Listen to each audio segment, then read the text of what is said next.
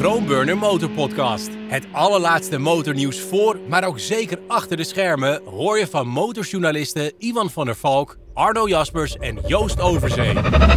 Hallo iedereen en welkom bij de 41ste Motorpodcast. Godverdomme, dat is geen goeie. De 41ste Chromeburner Motorpodcast. Met Joost Overzee van Kickstart, Iwan van der Valk van Nieuwsmotor.nl en Arno Jaspers, nu van Ducati. Uh, het is de 41ste editie. Dat is. Uh, oh, fuck ik vind het nu wel lachen. Nee, het is Ja. hartstikke goed, man. Ja, ja. Het is eh, de Black Friday editie, eh, als ik Chromeburner mag geloven. Want eh, ik wou niet dat ik plat Tilburgs kon. Maar eh, het is dus Black Friday week bij Chromeburner. Eh 35 tot 50% korting op Denies producten.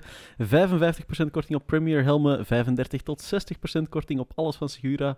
20% korting op Speedy producten. Heb ik toch maar even mooi ingestudeerd. hè?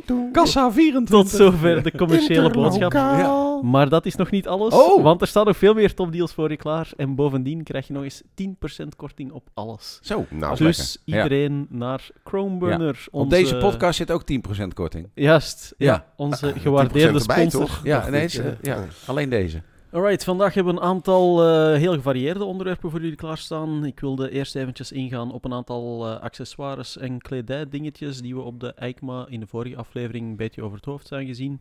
Dan ehm, is er een aanbesteding geweest bij de politie.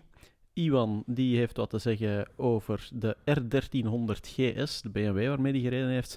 En dan moeten we het nog eventjes hebben over de vaste rubrieken en wat Suzuki-nieuws. En Joost, jij wou nog even terugkomen op die EICMA. Ja. Ehm, Het misschien zal weer over die vrouwen gaan die er op die motoren staan. misschien moeten we daar maar Ja. gewoon mee beginnen. Oh, Zullen we het over ja? de Eik maar gewoon Ja? eh, gelijk maar doen? Ja, heel snel dan hoor. Ik ben Ja, er helemaal klaar mee. Helemaal klaar mee? Met die En- Eikma. En Ja. waarom? Nou, gewoon, het was weer één grote dolle, dolle boel, zeg maar. eh, in, uit. Het was weer in en uit en alles. Dus, Ja. eh. ja, dat. Nee, in, ehm, eh, ja, ik bedoel, ik was er dus niet bij, maar ik wil wel even, even nee, geen complimenten geven. Ik vond één grote aanfluiting, zoals jullie het gedaan, zoals jullie het gedaan Ja. hebben. Ja, Ja, dankjewel, Joost. En ik snap wel natuurlijk in de vaart der volkeren allemaal. Ik wil even terugkomen op Moto Morini. ah, Want ik weet eigenlijk niet, er wordt natuurlijk altijd aan het einde van de Eik, maar wordt de, de, de best of show, wordt eh, dingen, dat is altijd, altijd een Ducati natuurlijk. Hypermotard, Ja, hè? al- You al- know. Altijd een Italiaanse motor. Ja, maar, altijd een eh, Italiaanse motor. ja, Ja. Maar goed, als ik het allemaal vanaf de zijlijn een beetje goed bekeken heb, dan zou ik die prijs wel willen uitreiken aan Moto Morini. Ja, maar dat is geen Italiaans merk. Ja, zo is het. Moto I say nothing. Moto Morini is not Italian, it's Chinese. Ja, het is wel even Italiaans als Benelli, laat ons Ja, zeggen. ja, het is net zo Italiaans als Benelli, niet. Ik snap wat je wil zeggen, Ja. Joost. Maar oké, ga door. Ze hadden Nee, wel nou, ja. mijn, buurman heeft een MG-auto gekocht. Oké, ja. Die man die heeft geen smaak, en, Nee. maar daar is geen schroef eh, MG aan. Terwijl Nee. ik denk bij een Moto Morini is misschien dan toch wel... Ik heb Ik bedoel, een het, hoofdkantoor, het hoofdkantoor zal Ja. echt nog wel in Italië zitten, ergens onder Milaan. Nee, dat is een ik. postbus. Dat is gewoon, eh, dat, is net zoals bij? Benelli. eh, we have a postbox in Milaan. En, bij, bij Benelli is het wel zo dat hun designcenter nog in Italië zit. En ik vermoed dat bij Moto Morini... Ik dat ze geloof daar geen fluit van. Ik geloof dat dat gewo- gewoon het design inkopen bij CRC dan misschien, weet je wel. Van, eh hoe heet die, Adrian Morton en die club zit daar dan in. En eh, Claudio Castiglioni. Eh, die Claudio Castiglioni, Ja. is volgens mij... eh, nee, zijn zoon zeg maar. God, hoe heet hij? Eh, eh, Giovanni. Giovanni, de zie. meest Ja. betrouwbare man. Precies. ja. de meest- die twee ook hebben een heel leuke Instagram-account. Ja, die hebben tegenwoordig een designbureau en die hebben wel wat motoren op. Want ik zag van Morton dat hij wat motoren op de Eikma die hij ge- getekend heeft. Mhm. Dus nou ja, zo, eh, anyway, Oh, Whatever, maar Moto in ieder geval- Morini. In ieder Ja. geval Moto Morini. Leuk onderwerp om verder uit te zoeken tegen ja, de dat gaan volgende we wel. keer. Ja, ja, maar ja. over naar Moto Morini. Jij, Nee, nou- jij bent helemaal gek van die nieuwe Corsaro.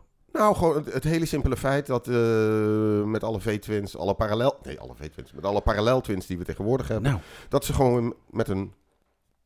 Met V2 eh, doorgaan. gaaf. Vind ik sowieso Ja. al supergoed. Zeven Verder ook- halfjes, toch? Hebben die- 7,5 natuurlijk. En je hebt natuurlijk de bekende Corsaro. eh, al vraag ik me, ja, nou, al vraag ik me dus af van, van wat daar dus aan veranderd is allemaal. Ik hoop een boel, want die dingen Ja, gingen allemaal kapot. Ze gingen allemaal stuk natuurlijk. Ja, Ja. ik moet eerlijk zeggen, ik heb het niet zo gevolgd, maar die Corsaro, dat was vroeger een 1100. 1100. 1100, nee, Ja. 1200. Dat was de- 1200? 1200. Dat was dat. Corsa Corta blok. Corsa Corta blok. Wat dan in het Italiaans kampioenschap alle Ducatis en eh MV's et cetera naar huis reed. Volledig aan flinters. Een van Ja. mijn favoriete motoren uit mijn historie van Ja. de motorfiets. Als die heel bleef, Corsaro fantastisch. 1200, ongelofelijke Ja. motor. Maar ze bleven geen van alle heel. Ze bleven niet heel. eh, maar die motor is- wordt nu ook gebruikt claimen ze. Of nee, dat heeft er niks meer mee Ja, te dat maken. weet ik dus niet. Ja. Maar dat is wel iets Ze waar ik heel wel. graag op terug wil komen. Ik vind het heel interessant dat Motor Morini weer terug is. Ook met die 7,5 trouwens, als je kijkt. eh, ze gebruiken ook weer een deel buizenframe. En wat zit er in die 7,5 dan? Ook een V-twin? Ja. Oh, dat vind ik wel tof. Een licht V-twinnetje. dat is juist mooi. Dat is weet je wel. supertof, En ze hè? hebben eh, qua frame hebben ze aan de voorkant een eh, aluminium nou ja, plaatwerk met daar aangeschroefd. Dus een, een, een, een buizen subframe. Mhm. En daar word ik gelijk al in deze tijd word ik daar heel blij van. Als ik dan zie bijvoorbeeld een nieuwe KTM Duke 990 bijvoorbeeld of zo. Ik Mhm. zie helemaal geen frame meer. Nee. Weet je wel? En, en, en als dan gewoon een merk weer komt.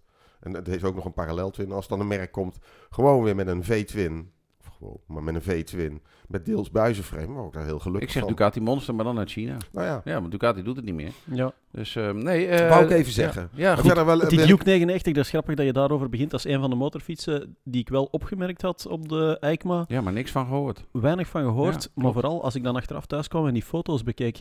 Die koplamp, man. Ja, dat geloof je niet. Wat de hel is er daar misgelopen? Ja, Ik- ik- Ja, dat is Ja. verkeerd gecopy-paste eh, Ja. bij, bij het designen of zo. Ik weet ja, maar dan zie je steeds dat die koplamp, dat was al, eh, nou die waren, eh, eigenlijk was KTM een van de eerste die die koplamp echt een ding maakte, weet je wel. Dat we, eh, met een Super Duke was dat volgens mij, dat we s'nachts gingen rijden ook omdat ze dan die bochtenverlichting hadden. Dat was bij die Adventure, daar was ik ook Adventure, bij. ja. Dat En was heel cool. ze- Ja. de bochtenverlichting Ja, wilden ze eh, aantonen. Maar hadden ze ook die koplamp al met die, met die mooie vorm erin. Alleen langzaam zie je dat ze daar nou een beetje lijken door te schieten. Maar ik, ik, ik- Ja. ja. Ja. Ja. mij denken aan, Dat is aan, wel heel speciaal, ja. aan die van Ja. Klaas. Die kennen jullie wel, hè? Die groene dingen Klaas. Combine. ja, ja, ja, ja, combines. Weet je wel, waar dan, de, ja. waar dan de, de, de, de, hooi uitkomt? De- Ja. Dat zit bij KTM aan de voorkant. Ja, Ja. sorry hoor. Maar, eh, Ja. maar die koplamp maar van het- die het- Moto Morini, daar heb ik je nog niet over gehoord. Want die hebben, ze komen met die twee 750's. ja, Waarvan eentje een koplamp heeft dat je denkt, nou, prachtig. Maar het is helemaal hoekig en weet ik wat. Het is helemaal niet beschermd. Dus het is binnen no time, lijkt het me wel een beetje eh, eh, eh, makkelijk kapot te gaan. Maar die ziet er echt fantastisch uit. Het I een know kunstwerk. nothing. Ja, het is gewoon hartstikke... Ja, Kunstwerk. heel benieuwd. In ieder geval, ja. Ja, en dan wil ik nog even één ding doen of zo. Want er zijn toch wel andere meningen dus over de XSR 900. Want ik vond Ja? XSR 900 GP. GP. GP. Ja. Ik vind hem fucking cool. Echt? Ja. Jezus. niet ja, Nou, weet je, dat komt ja. als volgt. Weet je, want twee uitzendingen geleden hadden we het over retro. En eh er kwam retro en eh café races en alles. Er kwam er niet altijd de Florisant vanaf. Kwam ik thuis en zie ik Hm. dan gewoon zo een, een mini Clubman staan van 2007. Dat vorige model, dat compacte. En denk van ja, waarom heb ik deze auto eigenlijk gekocht? Want het zuipt olie en het is, het is hartstikke onhandig. Deze je- maar ik wil hem gewoon Ja. hebben. Weet je? En ik vind deze hem gewoon boodschap super... heeft overigens niets te maken met de vijf pallets Marlboro sigaretten die geleverd zijn bij Joost aan de deur. Ja. Maar- Oh nee, Ja. nee, nee, Ja. zeker niet. Of dat je op mannen valt. Ja. de mannen valt. Ja. Nee, joh. Oh, het, ja. het is wel een heel speciale motor, maar wees nu eerlijk, ook weer die voorkant. Ik vind het idee van Van- terug, terug te grijpen naar die retromotoren is cool. Ja. Het is cool dat ze terug een gekuipt ding uitbrengen, ook al is het eigenlijk een naked bike waar ze even een Mhm. kuip hebben overgegooid. Maar die- voorkant ook alweer, wat ze Ja. daar gedaan hebben met Maar dat koplampje, dat, dat klopt ja, toch dat helemaal niet? op. Dat slaat helemaal nergens op. Oké, Vind ik ook. Oh. dus dat is een detail dat je door, Ja, nee, door nee, de maar voor vingers de rest, zien. voor de rest ik ben ja. blij dat, het in ieder geval, dat ik weer eens een keer een motor zie waarvan ik denk, wauw, er gebeurt iets. Wat Ja, is, het is wel iets met me doet. Ja. Ja. Weet je wel? Omdat er is zoveel uniformiteit in, in, in naked Mhm. bikes. Dat heb ik bij die en- en Morini in- dus in wel. design. Ja, maar bij, de die, Morini- eh, bij die Yamaha, bij Morini vind ik dat, want die hebben dan iets met iets wat niemand heeft. Ja. Maar bij Yamaha dat ge- geleur met die oude zooi, dat ik denk, jongens, daar gaan we weer, weet je wel. Ja. Ja. Kom nog een keer, weet je wat? MV, breng nog eens een Argo-model uit, weet je? Dat ja, soort, ja, dat ja, soort ja, gezemel. ja, ja, ja. Hou Daar eens heb- op. Daar heb je- Ja. Maar daarom vond ik wel, ja, moet ik toch wel Nee, even ik denk dat, zeggen. dat het ik gebeurt snap wat je wil zeggen. Dat is eh, eigenlijk een beetje hetzelfde gevoel dat ook beschreven werd bij die, die eh, Ninja ZX4 RR. Mhm. Waar dat je weet van, oké, ja, Ja. Kawasaki gaat er in Nederland geen tonnen van verkopen. Maar het is oh zo cool dat er Ja. Cool eindelijk dat- nog dat eens iets is. gedurfd wordt. Dat, maar dat. Maar dat vind ik durven. En ik vind een, een, een, een klassiek eh, gelijnd kuipje op een naked bike die je toch al Dat hebt staan, die niet zo goed verkoopt, eh dan maar erop schroeven. Dat vind ik geen durven. Te gemakkelijk. Ja, Ja, ja, oké. daarom. Dus, dus kom dan met zo'n ding, maar maak hem dan, en dat vind ik veel te vaak, bij in de marketeers wordt er veel te vaak, eh, vaak teruggegrepen naar dingen die er helemaal ni- niks meer mee te Ja, maken hebben. En nou, eens. dat gebeurt hier in mijn beleving Eén ding wil ik er dan, ik vind wel gewoon noodzakelijk dan op zo'n Yamaha, dat is dan wel een soort oude matzwarte, die ken jij ook nog wel, een matzwarte Marving, eh 4 in 1 pijp. Oeh, met ja. zo'n stompje, ja, ja, weet ja, je wel. Ja, ja, ja, ja, dus als ja. je hem hier start, dan hoor Ja. je hem in, eh, in Ja. Deventer hoor Ja, dan word ik nog. door boze buren vier straten Ja, verderop gebeld. ja, dat idee, ja. Ja, ja. Nou, goed, Ja. eh, genoeg erover. Ja, we- oké, we cool. zijn het eens we het oneens zijn. Nice. Alright, alright. Ehm, waar ik het nog even over wilde hebben, is uh, ja, accessoiristen en kledij. Daar hebben we eigenlijk op de EICMA helemaal niet over gepraat, omdat er nu ook niet zoveel te bespeuren was, volgens mij. We komen er ook meestal niet aan toe, gewoon. Want ja, dat is ja, die er dag, is zoveel ja, nieuws. Op die dag rennen we, zeg maar, om het kwartier is een persconferentie van een motormerk op dinsdag. Nou, daar ren je dan als een debiel, uh, ren je daar op en neer. Uh, en dan zijn er ook nog wel eens wat merken die met wat nieuws komen. Uh, ja, en beroerde is, uh, ik, ik, ben er ook gewoon wat minder in thuis. Ik bedoel, als er een nieuw bagagerek of een nieuw, -hmm. Weet ik veel wat is, dan denk ik altijd, ja, het zal wel. Het, lijkt ja. heel erg op het vorige bagagerek. Oké, okay. ja, sorry. Ja, ja sorry. nee, een van de dingen die, uh, die daar ook is voorgesteld, dat is de eerste FIM-gehomologeerde crosshelm van LS2 bijvoorbeeld. Bij ja. LS2 ben ik ook even op de stand gepasseerd. Gewoon omdat het een merk is dat, um, ja, ik ken het ondertussen wel al een hele tijd. Volgens mij worden ze al een jaartje of tien in, uh, in de Benelux geïmporteerd. Maar eigenlijk weet ik er helemaal niets nee. van, buiten ja. het feit dat ze dan in België bij RAD in de rekken stonden als zijnde een van de budgetmerken. Ondertussen is het volgens mij importeurschap richting uh, MKC of richting Risha gegaan. Um, in ieder geval... Nee, dat zit anders. Oh. LS2 wordt volgens mij... Er is, uh, de importeur is volgens mij nu de importeur die ook een ander merk doet. En die daardoor er eigenlijk niet mee te koop wil lopen dat ze LS2 importeren. Oké. Okay. Uh, want ze hebben een uh, exclusieve deal met merk A. En uh, nou ja, dat, uh, ja, dat ligt Kijk, allemaal een iets wat gevoelig, Trek zeg maar. ik hier onverwacht weer een stinkerpotje open. Uh, ja, ik nou, leuk. ja, knap weer, gedaan. hè? Ja, ja, ja, ja. Het, het klinkt naar bronwater, laat ik het zo zeggen. Um, maar volgens mij doen die tegenwoordig LS2 in Nederland. En uh, volgens mij is LS2 uh, vergelijkbaar met HJC. Chinees, uh, kwalitatief van, van helmen van 50 euro tot 500 euro. Ja, maar dat is dus voor mij dat het kwalitatieve gedeelte van hun gamma, dat dat echt wel sterk is uitgebreid. Dat viel mij, viel mij op dat die er enorm op vooruit zijn gegaan. Dat ze ja, gewoon, als je een helm vastpakt, als je de ervaring hebt die dat wij hebben met Mm. helmen, je voelt al wel Ja. snel of dat iets degelijk Ja. is of niet. Heeft een van ons wel eens met een LS2 gereden dan? Ik heb in het verleden met LS2-helmen gereden, maar dat was echt ja, de 50 euro helmen, Ja. waar dat het dan eh, vooral ja, gewoon over het budget draaide. En dat moest een matzwarte helm zijn die niets mocht kosten en waar standaard een zonneviziertje moest inzitten. Ja, ja, en als je dat dan vergelijkt met de dingen die ze nu maken, volgens mij hebben ze ook een FIM-gekeurde racehelm ook, hè? Ja, ja, nou, want ze Ja. rijden ook in de, in de GP's reizen. En, Ja. en die FIM-keuring is best wel een beetje apart. Eh, daar is de FIM mee begonnen in de motorracerij. In de GP's moest opeens iedereen daarmee rijden. Ja.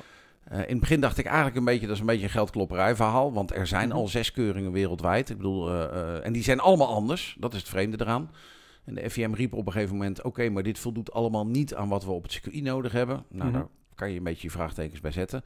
Ondertussen is die keuring wel redelijk ver doorgevoerd. En zie je dat het toch wel een beetje een ding geworden is. Je moet ECE 2206 hebben, je moet DOT hebben, je moet snel hebben. Mhm. Eh, Sharp moet je dan hebben. Ja, Nou, je moet eh, dan alle keurnormen Precies, voldoen. ja, ja. En deze, die En de FIM voor de cross is nieuw. Want die voor de racerij hebben we inderdaad al langer. Die voor de cross is nieuw. Ik weet nog niet helemaal goed wat we ervan moeten vinden. Want uiteindelijk is de FIM best wel een eh, geldmachine. En eh, straks moet je die sticker hebben. En dan moet je het laten keuren bij het Ja. testinstituut van de FIM.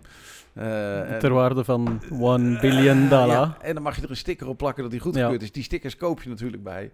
FIM. Je weet hoe dat Ja. gaat. Ja, nee, jezus. ja tuurlijk, zo werkt dat. Onze complot eh, ja, ja, denken. ja, sorry daarvoor, maar zo is het. eh, eh, met, met de FIM moet je altijd aan dat soort dingen denken. Alright. Ehm, dus, eh, maar eh, LS2 is, ja, eh, ik, ik denk dat de meeste helmen, eh, boeren tegenwoordig, ook de slechtere of de mindere merken, hun topmodellen in orde Ja, zijn. best wel kwalitatief in orde Ja, zijn. zouden we dat eens een, eh, een klein itempje kunnen maken in onze podcast? Dat we gewoon vijf minuten dat we hier een, een LS2-helm... We laten een LS2-helm komen. Of, of We pakken whatever. alle drie een Ja. hamer mee Nou ja, weet ik veel. en kloppen niet. hem helemaal aan kort. Ja, en dan ga je Nou. er wat mee doen, ja. Ja, Ja, de ellende nee, jij zet Ja, hem, jij we zet hem op. Jij nee, zet nee, hem nee, op. Ik, ik, heb voor geen, ik, ik heb geen ruimte thuis. Maar ehm, Ja, maar wij weten het dan niet. Dat vind ik de ellende. Er zijn, er zijn dus nu zes vooraanstaande helmenkeuringen die allemaal anders zijn. Dus nee, maar dat je het gewoon, gewoon meer consumenten... Er zijn ja, consumenten maar dat bij. vind ik altijd Dat het rare. Dan Nee, maar dat je gewoon mee gaat rijden met zo'n helm. ja, maar dan word je dus een influencer, vind ik. Ja, Want dat dan is zeg je, hij, ziet, Ja, er ja, mooi, ja, hij ja. ziet er mooi uit, Ja, ja, ja, hij ja, glimt ja. mooi, hij zit mij lekker. Nou, dat is allemaal Nou, dan moeten we godsnaam Maar functie, vermijden. Nee, functie nummer één is veiligheid. En die kunnen wij niet testen. Nee, zeg, hey, dat zou To wat be zijn. continued. Ik denk dat we er nog wel vaker over gaan hebben. Ja. Ja. In ieder geval, ik had nog wel een paar, ik had nog een paar feitjes opgezocht over LS2. Eh, weet je waar LS2 voor staat? Nee. Nee? Eh, Liao System 2. Oh ja, ja nou. Bij deze, Chinees. Ja, Daar heb ik een LP Ehm, van gehad vroeger. Ja. Ja. ja. Bedrijf is gesticht in 1990. Eerste Europese helmen verkocht in 2008. En sinds 2008 zijn ze dus echt wel eh, ja, opgegroeid tot het merk dat je nu quasi overal ziet. Ik was tien jaar geleden op, de EICMA, trouwens, als we het toch weer over die EICMA hebben. Toen waren ze voor het eerst eh, in Europa. Daar hadden ze een stand staan, die, die, die, die was volgens mij twee keer zo groot als Yamaha en Honda bij elkaar. Oh ja, ja, ja. Echt ja. niet te veel. Ja, ze hadden nu ook Ja. best een grote Maar stand. er was nu ook, er waren heel veel Chinese clubs waar ik nog nooit van gehoord had, die een mega stand hebben. En wat ik daar dan een beetje vervelend van mezelf aan vind, is dan denk ik, nou, die Changling Fao, ik loop er maar voorbij, want dat zal wel. Die hebben nog 20 quads en, eh, Ja, eh, en een naked bikeje 600 en weet ik wat iedereen heeft. En eh, waarschijnlijk over vijf jaar is Changling Fao het toonaangevende merk in Europa. En ben ik er gewoon straal voorbij gelopen, weet je. Ja, dat durf ik- niet zeggen. Ik weet, bij een CF-motto was dat toch ook niet het geval. Die zijn ook heel snel opgeklommen, maar Ja. dat was niet om te zeggen dat die er... eh, ja, dat die ervoor al vijf jaar stonden met een klein standje. Nee, Nee, dat was in dat één, keer, Ja. in één keer te goed. En als je nu ziet ook, oké, het, eh, het Chinatown gegeven van vroeger, dat is een beetje weg. Je hebt nog wel die kleine stands waar dan eh, Ja, ja, met lampjes. verkoper XYZ met een en, lampje eh, staat en verkoper en, ABC ja. met een toeter. Maar ehm, ja, dat hadden we vorige keer ook gezegd. Hè. De trend van de EICMA was inderdaad wel de Chinezen, die me- of Chinese, Taiwanese, Indiërs, die dan meestal met eh, elektrische eh, scooters en bromfietsen en you name it Ja, eh, er stonden. Dus dat is wel iets voor in de gaten te houden. Maar verder over die helmen. Ja, Ehm, Een andere helm die ik gezien had, die ik ook wel interessant vond, is eh Shoei. Die komen met een Neotech 3. Ja. Dat is volgens mij een helm die... Ja, echt op, de Neotech 2 is een populaire klaphelm. Die Neotech 3, ik weet niet wat er juist allemaal aan veranderd is, maar dan weet je gewoon zeker dat daar ook weer heel veel van verkocht gaan worden. ja, daar heb ik een Ehm, bruggetje voor. ja, doe maar. kijk, laat komen. Ja, zeker. De politie heeft zojuist aangegeven dat ze eh, nieuwe motorhelmen hebben. Eh, Mhm. En daar zit de Shoei eh, Neotech 3 is de ene. Oh, en erbij. de. Schubert C5, denk ik uit mijn hoofd, is de ander. Dat is de laatste uh, Shoei. Ja, de- eh, ja. Schubert. Zo Allebei klaphelmen. Ja. Ehm, De grap daarvan, van die aanbesteding is... normaal wordt, dat ge- eh, wordt zo'n aanbesteding afgesproken met een helmenmerk... maar nu wordt die afgesproken met MKC Moto... Oh. die samen met Abiom, eh, dat is dan een, eh, een technisch bedrijf... eh, die helmen kant-en-klaar, dus met die spreek- en luister set erin gaan aanleveren. Dus hij komt ko- straks kant-en-klaar op maat binnen bij eh, de, de politie van Nederland, zeg maar. Dus dat is wel een mooie deal voor eh, MKC Moto. En dan gaat die Neotech en de eh, Schubert gaan dat dan eh, zijn, want die zijn getest op van alles en nog wat. Hoeveel, Ja. hoeveel motoragenten zijn er in Nederland? En volgens mij wel iets van eh, 12, nee, 12. 12, 12, ja 12. Hier in Amersfoort zijn er 12. Nee, nee volgens mij ik, eh, 2200 of zo. Iets in, dus, nou, er zijn 2200 motoren volgens mij. Dus iets in die sfeer kom je denk ik uit. Maar ik, ik, dit is wel heel erg natte vingerwerk. Ik had me hierop Nou ja, voorbereiden. Een beetje orde vergroten. Ja. Na de jaarlijkse eh, opleiding schieten er dan nog 2000 motoren over. En, eh, Nou, niet even om het een of ander. ja, als je die, die gasten- als je rijden natuurlijk. Oh. Een tijdje geleden nog eh, een vent op zo'n dikke RT. En die hem dan gewoon even omslipt zo. Ja, Op zo, ja. Op zo. En dan door, weet je. Dan denk ik, fucking hell. Dat ding weegt... Dat ding weegt ook nog gewoon idioot veel. Omdat Ja. ze extra accu's, eh, verbindingsshit, eh kogelvrije vesten, de hele shit. Dat ding weegt gewoon meer dan een vrachtwagen. Ja, het is vooral En dan, die, die ombouw, eh dat heb ik ook wel een paar keer al van dichtbij gezien. Die ombouw met die ehm, ja, communicatiesystemen Ja. voornamelijk die het zijn. Agenten zeggen dat ook meestal van ja, het belangrijkste wapen, motoragenten zeggen dat toch, het belangrijkste wapen dat we meedragen, ja, dat is niet eh pepperspray of weet ik veel. Nee, dat is de communicatie met de andere Ja, agenten. dat. Daardoor kan je, Ja. kan je Nou, ja, Dat gaat in Nederland Ja. wel lekker, geloof ik. Hè? Met dat, eh, hoe heet dat ook weer? Het systeem van die agenten, wat ook totaal niet werkt. C2000. Ja, ja, ja, nee, dat klopt. Nee, dat verbindingssysteem in Nederland Ja, een beetje. dat, eh, Nou, nou, nog even over eh, de politie gesproken. Ik begreep dat uit de, de aanbesteding van motoren die loopt, Mhm. heb ik heel lang eh, hebben het gehad over twee categorieën. Eentje is de dikke tourbuffels, de, de RT's. De RT's, ja. De andere kant is de wijkmotor. Dus dat is een, eh, Mhm. een tracertje dan of zo, weet je wel. Daar komt nu een categorie tussen. En, en nou heb ik begrepen dat daar bijvoorbeeld Honda met de NT1100 in mee gaat doen. Dus dat wordt niet meer die grote kanonnen die alleen maar op de snelweg zitten. Wordt niet de wijkmotor die eh, trapje op trapje af moet. Maar daartussen echt waar, joh? komt een categorie en daar gaat... eh, eh, nou, de hoogpoters. ik heb begrepen, ja, nou, broeders die laagpoten zijn er niet meer. Maar dat ja. NT1100 dus, zo'n categorie, nou, daar hebben we wel meer motoren in zitten. Oké, dus toch, maar toch, NT is wel een, eh, een onderscheidend ding daarin. Die Ja. zou de- dat, dat, die tussencategorie... dus en dat toch niet allroad. eh, Nee, maar wel een beetje ertussen, want hij is veel hoger dan de Ja. RT. Het gewicht zit veel hoger. Ehm, Grappig. Maar dat wordt de grootste categorie ook overigens. Aan aantallen van politiemotoren in Nederland. Maar dat geheel terzijde. Ja, wauw. Hm. Dan moet je 30 jaar studeren voor motoragent en dan krijg je zo'n NT 1100. Met DCT als je pech ja, hebt. dat... Nou, je had toch al eh, eh, Oh. 20 knoppen overal zitten? Op de Ja, daar, kunnen geen knoppen meer bij. 22 knoppen zitten er op de NT 1100. Mooi. Ja.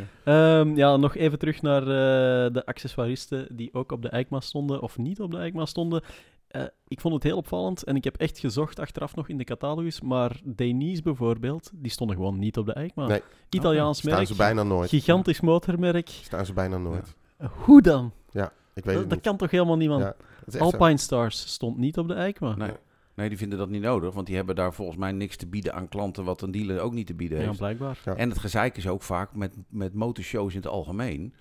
Eh, wij vinden het tof, maar eh, de dealers vinden motorshows helemaal niet zo tof. Waarom Ja, niet? Die willen die, die klanten in de zaak hebben. Dan willen ze gelijk een jas verkopen. Ja. En dan zeggen ze, oh wat staat hier mooi, kleurt mooi bij uw ogen. En, hop, en dan heb je er weer eentje verkocht. Maar op de beurs heeft het... In een motorzaak zie je het voor je. Ja. Zo vet met zo'n checkie hier zo. Oh, die kleurt wel mooi bij je ogen. Ja. Ja, ja, ja. Hoe werkt dat niet bij jou? Oh, bij mij Ja. Ik heb er al drie gekocht op die manier. Ja, Ja, heerlijk. ja nee, ehm, dus, dus, nou ja, dat. Ja. En over Dainese gesproken. Ja, ik had hier nog eh, Dainese. genoteerd. Dainese. Iwan, heeft een pak van eh Dainese. Dat lekt als de tering. Vertel ons er alles over. Nou, dat is wel zo. Ik heb, eh, ik heb een prachtig pak van ze gekregen met prachtige laarzen erbij. Die laarzen zijn echt heel erg tof. Een toerpak. Eh, een tourpak. Ja. Maar daar zitten eh, ritsen aan de binnenkant van de ellebogen. Eh, ja, van Ja. die lange ritsen om, om lucht te kunnen. Ventilatie. Ja, eh, Ventilatie. Ventilatieritsen. En je weet eigenlijk altijd dat als ritsen eh, en ventilatie, dat gaat niet samen met waterdichtheid. Dus ik ben met dat ding laatst aan het rijden en ik kom thuis, jongen, nou toch gewoon helemaal dwars door die rits heen, mijn hele, helemaal nat. En ook de overgang tussen mijn broek en mijn jas. Had je hem helemaal tot laatste tandje dicht? Ja, ja, ja. dat is natuurlijk ja. ook een puntje. Hè, van, Nee, eh, klopt. En het was ook begonnen... Kijk, dit is de Ah, informatie die we willen meegeven aan onze luisteraars. Ja, ja. Nou, het Tot is het hetzelfde als laatste met het, tandje. Ik heb ook zo'n fantastisch. Ja, ik heb zelf ook zo'n fantastisch regenpak. De ervaring eh, zo'n spreekt. fluorescerend regenpak van, eh, oh ja. ja van mijn ja, ja. hals tot, eh, Ja. tot aan mijn enkels. Daar heb Zo. ik ook foto's maar als van, je, hoor. als je maar één kreuk hebt in, die, in dat klittenband of zo, dan ben je uitgeschakeld Ja, natuurlijk. ja, dat was dan het volgende onderwerp dat ik hier had staan. Joost heeft een pak van duizend jaar oud dat perfect waterdicht is. Duizend jaar oud. maar nu ontkracht je het helemaal. eh, Ja, nee. Dat, dat, dat- Ja. ja, nee. Ja. Nou, daar Nee, ik ook moet er wel bij zeggen dat, dat wat mij met dit pak gebeurt van eh Dainese, dat kan eigenlijk met elk pak. Uh, op het moment dat er eh, ventilatieritsen aan te pas komen, dan weet je gewoon, dat, ja, het ja, kan niet samen het dus gaan. niet mee eens. Nou, tenzij je van die hele mooie ziplock eh Exact ritsen dat. hebt. Ik heb, die eh, zitten hier niet op. De Ik heb- Fitlock heet Fitlock, is dat toch? Ik Ja, heb sinds vorig jaar zo'n pak. T-zip, ja, ik zit. Is dat van Goretex die... eh, Nee, dat is niet van Gore. ik weet ook wel dat er ooit de eerste Goretex... ge- gesielde dingen. Ja, ja, Die ze ook Ja. in de, de, de- ook in dry suits zitten van, eh, van in de duiksport. ja, van die, ja. maar Goretex had ooit die eerste ritsen van ze, weet je wel, met zo'n... Je herkent ze direct, van die zo heel plat zijn, met zo'n plastic randje. Ja, ja, Daar hadden ze een persintroductie voor verzonnen, want dat was het helemaal in Schotland. En, eh, want daar regent het gelukkig God. vaak. Ik voel hem al aankomen. Ik voel op hem de- al aankomen. Op de eerste dag plop al die ritsen open, weet je wel. Oh, heerlijk. Oh, nee. Geweldig, ja. Ja, een kwartararootje met je regenpak. Ja, kwartararootje. Ja. ja. Dus ik wil even gezegd hebben, daar deze, eh, deze keer, maar bij alle andere merken, eh, eh, koelingsritsen, leuk, maar in een winterpak, nah. Ik heb er nog twee dingen aan toe te voegen. Eén, specifiek over Denise. Dat is ehm, dan niet over hun tourpakken. Ik weet niet hoe ze het daar oplossen. Maar Denise, het, hetgeen wat er voor mij het meeste eraan uitspringt, dat, ze, dat hun racepakken, dat ze daar een totaal ander systeem dan de rest van de wereld gebruiken wat betreft hun laarzen. Ja, klopt. Ja. Oh, ja. Ehm, Dus ze werken met die onderlaarzen. Iedereen, iedereen heeft het wel gezien. Niet meer. Bij, Oh, eh, nee, niet meer. Wel oh. een aantal keer gehad. bij ja. Valentino Rossi, die had het ook, waar het pak eigenlijk over de laarzen komt. ja. En ik moet zeggen, ik vind het helemaal geen mooi systeem, maar het werkt zo ontzettend goed. Want Ja? ik rijd er nu enkele jaren mee, eh, dat ik ook zo'n setje laarzen heb gehad die eraan ondergaan. En dat is wel, ja, die laarzen zijn een stuk korter dan de Ja. meeste motorlaarzen. De, ze hebben een ja, soort van carbon shell die dan rond je enkel zit. Dus het voelt ontzettend stevig, goede verbinding. En dat het pak erover gaat, daarmee sluit je pak ook nog eens heel goed rond die laarzen af. Vind ik heel goed eh, van Denise. Ehm, En er zit, en heel, het, het is totaal anders dan de rest er van de zit heel wereld. weinig kuitbescherming op eh, Ja, in die laars. Want Oh, de ja. bescherming zit in je broekspijp. Helemaal Exact dat. onderaan. dus dat, eh, Hmm. dat dan voor Denise. En wat betreft die, die ritsen, eh, ik heb sinds vorig jaar zo'n Stedler pak. En Stedler is nu niet het meest eh, bekende merk. Stadler. Stadler en. Waldorf. Stadler. Stadler en Waldo. Ja, die, ja, die, die is wel, Waldorf, nou, dat- die, die is wel groot, dat is een groot merk. Is, ja... Heeft ook als iets met gaat bronwater vergelijken- te als je- maken in Als je Nederland. gaat vergelijken met een toch? Denice... Uh, Marge rijdt in Nederland met Stadler. Ja, dat Ja. begrijp ik meteen. Want eh, dat is het eerste waterdichte pak, waterdichte tourpak, waarvan ik echt durf zeggen dat het eh, dat waterdicht is. Daarmee Ja, kan je in de douche gaan staan Ja. eh, een half uur en er komt gewoon niks Het weegt wel om. Ik heb zo'n Rukka, de, eh, Ru- Rukka en Stadler vind ik altijd vergelijkbaar. Dat zijn echt. Jongens, Top we praten over wat dat, stadlerpak van jou kost het. Ja, het is belachelijk duur. 2500 euro. Het is natuurlijk belachelijk Ja, duur. Ik denk dat inderdaad eh, die richting uitgaat. Volgens mij kom je er niet met 1000 euro voor die jas. 2500 euro? Ja, Mijn motor kost minder. Ja, maar, ja, ik heb ook motoren die minder kosten, maar... Ja. dat Maar het is wel dat heel goed. Dat is ook iets wat, ik, eh, wat Ja. ik wel vaker zeg tegen mensen die, die beginnen met motorrijden. Investeer eerst eens in je kledij, want als je zo'n pak hebt, dan ga Ja. je ook gewoon effectief alle dagen Dat rijden en in de Dat regen rijden. Ik blijf gewoon nu. Het regent als het een dolle de laatste maanden. ja, dat natuurlijk. maakt niet uit. hè. En met dat, met dat pak, eh, of het nou een Rukka Stadler of de, en, en ik geloof dat sommige merken ook wel echt een top, top, top of the line pak Ja, eh, ook goed zou zijn. Maar het beroerde is bij, bij veel andere pakken blijft het een beetje behelpen. ja, dan blijft het een issue. Ja. Goed. Dat. 2500 Ik piek. zal het niet over mijn kleding Nee, hebben. nee, nee, nee, nee, nee. Die opengewaaide leren jas van jou, ja, precies. Joost is hier weer komen aanrijden in zijn assless chaps. Ja, ja dat. Ehm, volgende onderwerp. Zijn je nou assless chaps? Ja, zijn- zijn zijn Ja, ja, leren broek. Hij moest eh, even, hij moest even bij me door. Nee, helemaal in thermo eh, gehuld, maar dan wel, Ja, Assless dat- dan chaps. wel mijn kruis open. Ja, oh, Dat, eh, mooi. Goed jongens, ik eh, denk dat we hem al mogen afronden de eerste helft. Oh, echt? Nou. Dadelijk meer achter de pauze. Ben je op zoek naar nieuwe motorkleding of accessoires? Dan ben je bij Groenburner Motorgear aan het juiste adres. Met meer dan 28.000 verschillende producten op voorraad hebben we altijd het juiste product voor de beste prijs. Je vindt ons langs de A59 vlakbij Den Bosch. Tijdens het motorseizoen zijn we maar liefst 7 dagen per week geopend. Bestel je liever via onze webshop, dan versturen we jouw bestelling nog dezelfde dag als je op werkdagen voor 10 uur bestelt. Groenburner Motorgear. Fun starts here. En nu terug naar de podcast. Goed, zijn we weer na de pauze met eh, ja, toch een onderwerp waar volgens mij heel veel motorrijders op zitten te wachten. Iwan, jij hebt als eerste van ons gereden met de R1300 GS. Ik had hier als bijschrift staan, lelijke man op lelijke motor. Nou, bedankt de tandjes. Ja, nou, oké. Brand Nou, maar dan, los. eh, en door. Eh, pff, ja, brand maar los. Ma- mag ik jullie eerst vragen, wat vinden jullie ervan hoe die eruit ziet? Want dat is wel een heel erg ding. Ik zou willen zeggen, ik weet het niet, want BMW stond niet op de EICMA. Maar dat is helemaal niet waar, want ik heb natuurlijk al 100.000 afbeeldingen gezien. En bij Touratech en de andere accessoiristen kon je wel eh, GS'en zien. Maar ehm, ja, je weet op voorhand dat het fantastisch goed gaat rijden. Geef gewoon maar antwoord op de vraag. Dat moet ook wel, want het ding, ja, het is gewoon een Fiat Multipla op twee wielen. Oké, duidelijk. Dus hij, is- hij dat is vind ik wel toch een goeie. hij is Ja. echt niet mooier geworden. En oké, de vorige GS, daar waren de meningen ook altijd verdeeld over. Ehm, ik, ja, ik vind het een gigantisch goed, goed ding. De koppel van onderin van die boxermotor, dat is hetgeen wat voor mij die motor echt maakt. Eh, al die elektronica en opties en dingen die hem heel duur maken, dat is dan misschien iets minder eh, naar mijn zin. Maar ehm, ja, Oké. Ik wil ja, eigenlijk, vooral ehm, lelijk. eh, eh, dat vind ik ja. echt heel jammer. Nee, ik heb hem nooit in het echt gezien. Of nog niet in het echt gezien. Of, maar ik, eh, ik ga volledig voor de oude. Simpelweg omdat gewoon dat is echt een pakezel. De R80 GS bedoel je dan? Oh, lekker. Nee, maar, nee, nee, Soms nee, is het dat- te gemakkelijk, Gewoon ik weet gewoon een, een samengestelde motor, een Ja. elementaire motor. Ja. Hebben we dat eh, uit de weg geruimd? Oké. eh, hij is, wat eh, erg bijzonder is, vind ik, is dat hij echt volledig nieuw is. Normaal Mhm. is het gewoon 50 cc erbij en, en een beetje blablabla. Bla, bla, bla. Vooral het chassis is volledig nieuw. Hij heeft dus nu een, in plaats, hij heeft geen buizenframe meer, hebben we Ja. het net over gehad. Nou, dat vind ik zelf wel een beetje jammer. Aan de andere kant zie je er helemaal niks meer van, want het is ook helemaal weggewerkt. Eh, hij heeft nu gewoon een stalen, moet ik goed zeggen deze keer, geperst frame. Dus een brugframe, zoals alle, alle Mhm. motoren dat hebben. Hij heeft die aluminium eh, subframe erachterop zitten. Dat is echt wel volledig nieuw. Ehm, en wat dan eigenlijk onder de streep overblijft van dit hele verhaal straks, is dat die qua rijden nauwelijks anders is dan de vorige. En als Nee. je zoveel veranderd hebt, vind ik dat echt fantastisch knap gedaan. Maar met alle respect, maar als je echt een serieuze enduro gast erop zet, dan zal dit waarschijnlijk wel merken, of niet? Dat geloof ik wel. Alleen het, eh, bedankt daarvoor trouwens.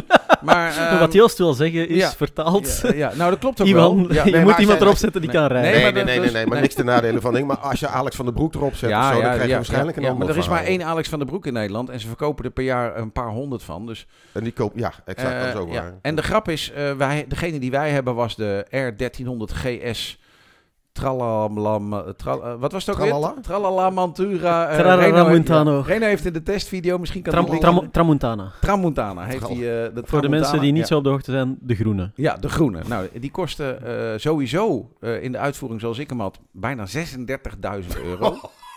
Echt waar. Ja. En er zaten er geen valbeugels op, maar wel straatbanden. Dus eh, het off-road deel, we Ja, hebben dat- wel dat wat gedaan. wel, ja. Wel, wel Eh, spaakwielen, toch? Of- Wel met spaakwielen, ja. maar eh, eh, uiteindelijk, ja. Dus, en, en die banden waren... eh, eh, eh, 36.000 euro, what the fuck? Metselen Tourance Next 2 zitten eronder. Nou, dat oh zijn ja, gewoon dat extra verklaart banden. eh, Dat- ja, die 6000 ja, euro wel, ja. Ja, dus... ehm, eh, maar echt de allergrootste vooruitgang vind ik absoluut het motorblok. En dat is wel grappig, omdat ze zoveel veranderd hebben dus.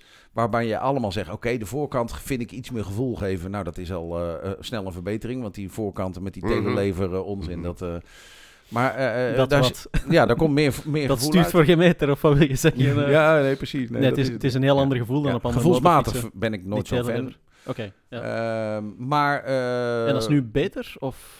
Ik, ik vond de voorkant wat beter, ja. Scherper Ehm, meer gevoel. Nee, Oké. scherper sturen niet zozeer, maar meer dat je... Ja, gewoon idee directer, waarschijnlijk directer. Meer je voelt contact meer met, wat hij eh, doet. Ja, ja. En, en in het verleden was het zo Het ding is ook 20, ja, bijna 20 kilo lichter geworden. 12 kilo. Ja, 12 dat valt op kilo, zich, ja, ja. Ja, maar gewoon met de Ja, hele, kilo, hele ja. voorwielophanging. Kijk, een, Ja, een, telelever was altijd, dat voelde, moest je altijd blind vertrouwen geven. Dat, Ook de grip, Ja. want je voelde geen grip van Ja. de band. ja. Je moest maar gewoon Ja. planken met zo'n ding. Ja. Ja. gewoon, en dat ging altijd goed. Ja, en je dacht, Ja. eh, Dat doe je toch altijd, Joost? Eh, Het ging echt altijd verbazingwekkend goed, maar het was inderdaad altijd weer, nou proberen we dit ook. Oh, dat kan die ook. Nou, Ja. dan, eh, ja. maar dan nooit echt op Nooit feedback.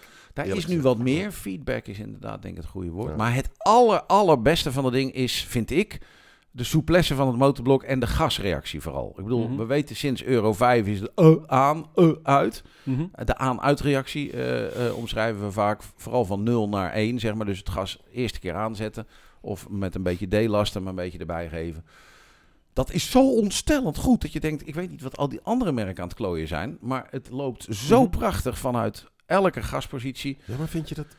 Zijn er echt nog tegenwoordig motoren waarvan je denkt, nou, gasreactie zo zo? Ja, ik vind, ja, wel. van 0 naar 1 vind ik nog best wel wat dat er best wel wat zijn.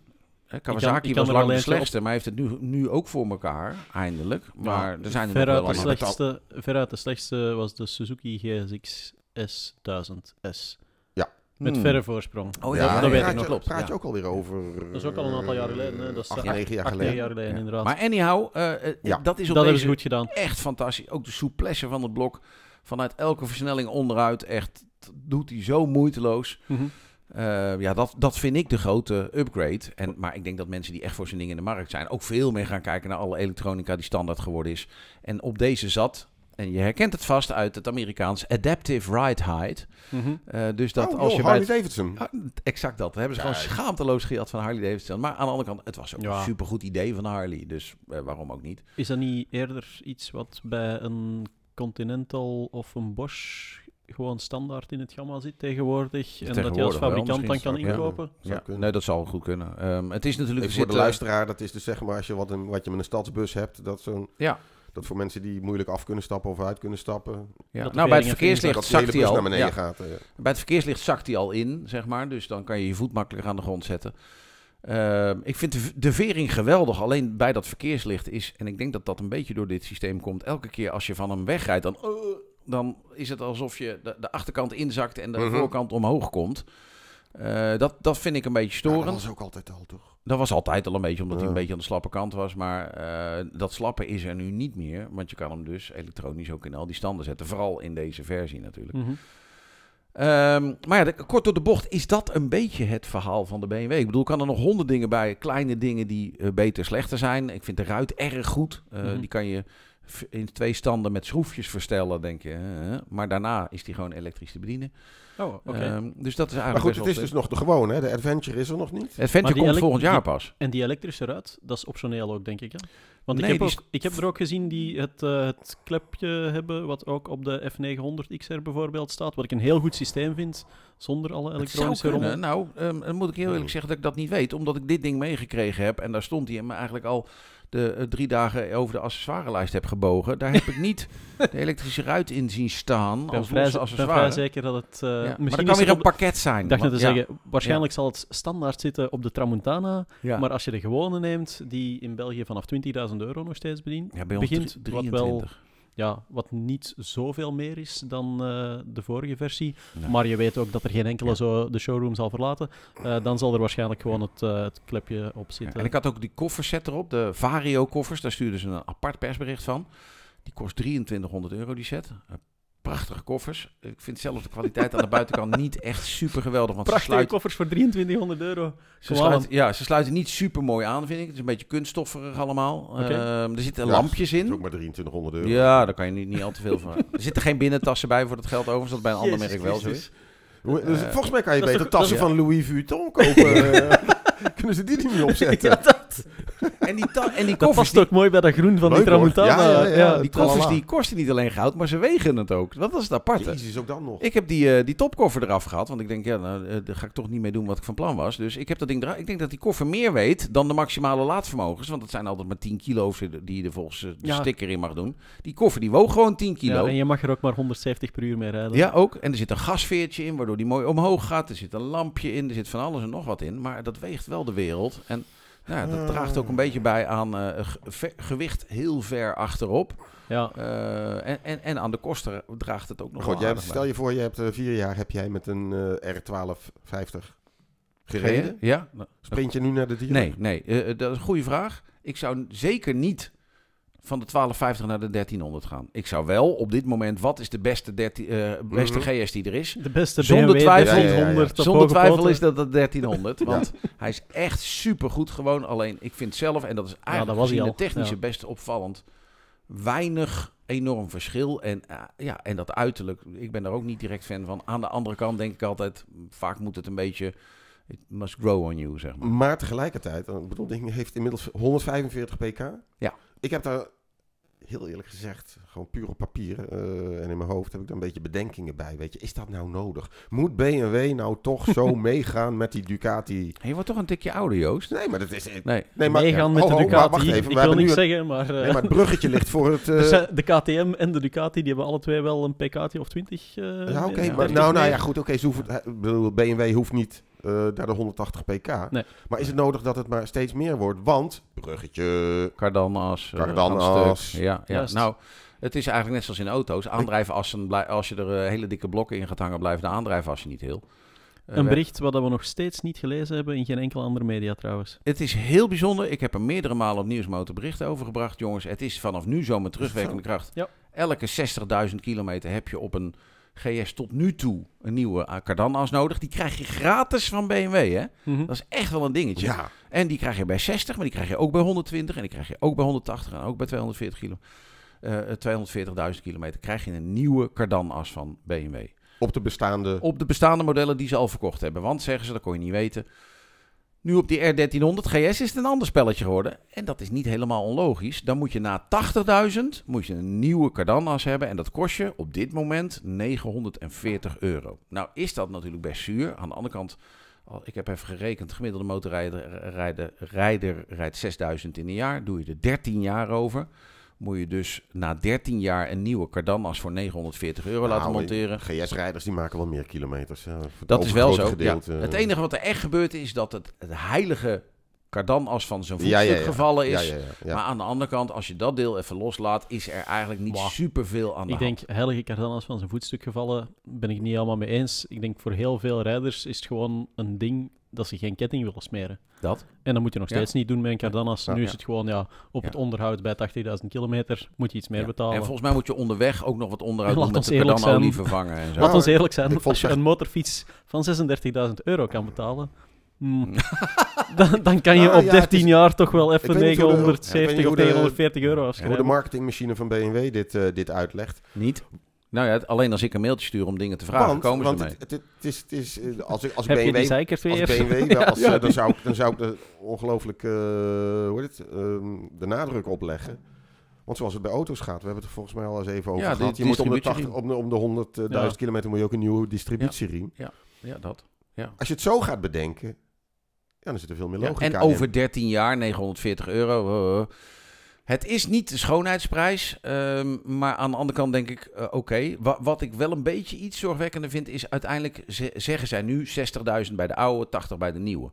Het betekent aan de andere kant dat de Cardanas niet meer onfeilbaar is. Nee, nee, nee. Hè? En dat, Is, dat wisten we al langer, want we hoorden al van die gebroken dingen. Er zullen best jongens, als je elke dag enorm of de rood gaat knallen met dat ding, als je Alex van der Broek zo'n ding geeft, die wel enduro kan rijden, nogmaals bedankt Joost, Ehm, die, dan, eh, die zal zo'n ding, denk ik, niet heel houden tot Nee. 80. Denk ik dan. Maar, eh, dus, dus er is wel wat meer aan de hand. Maar ja, uiteindelijk, eh, als je het sec bekijkt zoals het er nu op tafel ligt, om de 80 een nieuwe Cardanas, mwah, Ja, Oké. Oké. laat ik zeggen dat... Ja, laat je Ik zeggen krijg dat. hier dat ik ondertussen ben dat een sms binnen van Moto Guzzi dat hun Cardanas nog steeds 80 jaar meegaat. En Triumph. Ja, maar die hebben ook die, hebben, die eh, Triumphs ook, maar die hebben veel minder vermogen natuurlijk. Ja, dat is dat- de grap. Ja, maar dat is... Dat- de- en, ja, en ja. daar begon het allemaal om. Daarom vroeg ik ook van... Jezus mina, dat BMW altijd maar meer Ja. pk's. Moet je kijken wat een consequenties dat heeft. Ja, de nog- V85 nog even- heeft hier geen probleem Nog mee. even heel kort de drie grootste pluspunten en minpunten van de R1300 GS voor jou. Oeh, dat is een hele goeie. Eh, grootste pluspunt. Alle drie de pluspunten zijn het motorblok. Linker cilinder, rechter cilinder. Eh, nee, eh, nee even. dat motorblok is echt gewoon wat het doet. En eh, misschien ook wel de compleetheid van de motor. Ik bedoel, BMW heeft al 40 jaar een GS. En ze hebben daarin zo ontstellend veel geleerd. Heel veel dingen zijn gewoon super goed voor elkaar. Gewoon makkelijk, klik, klak.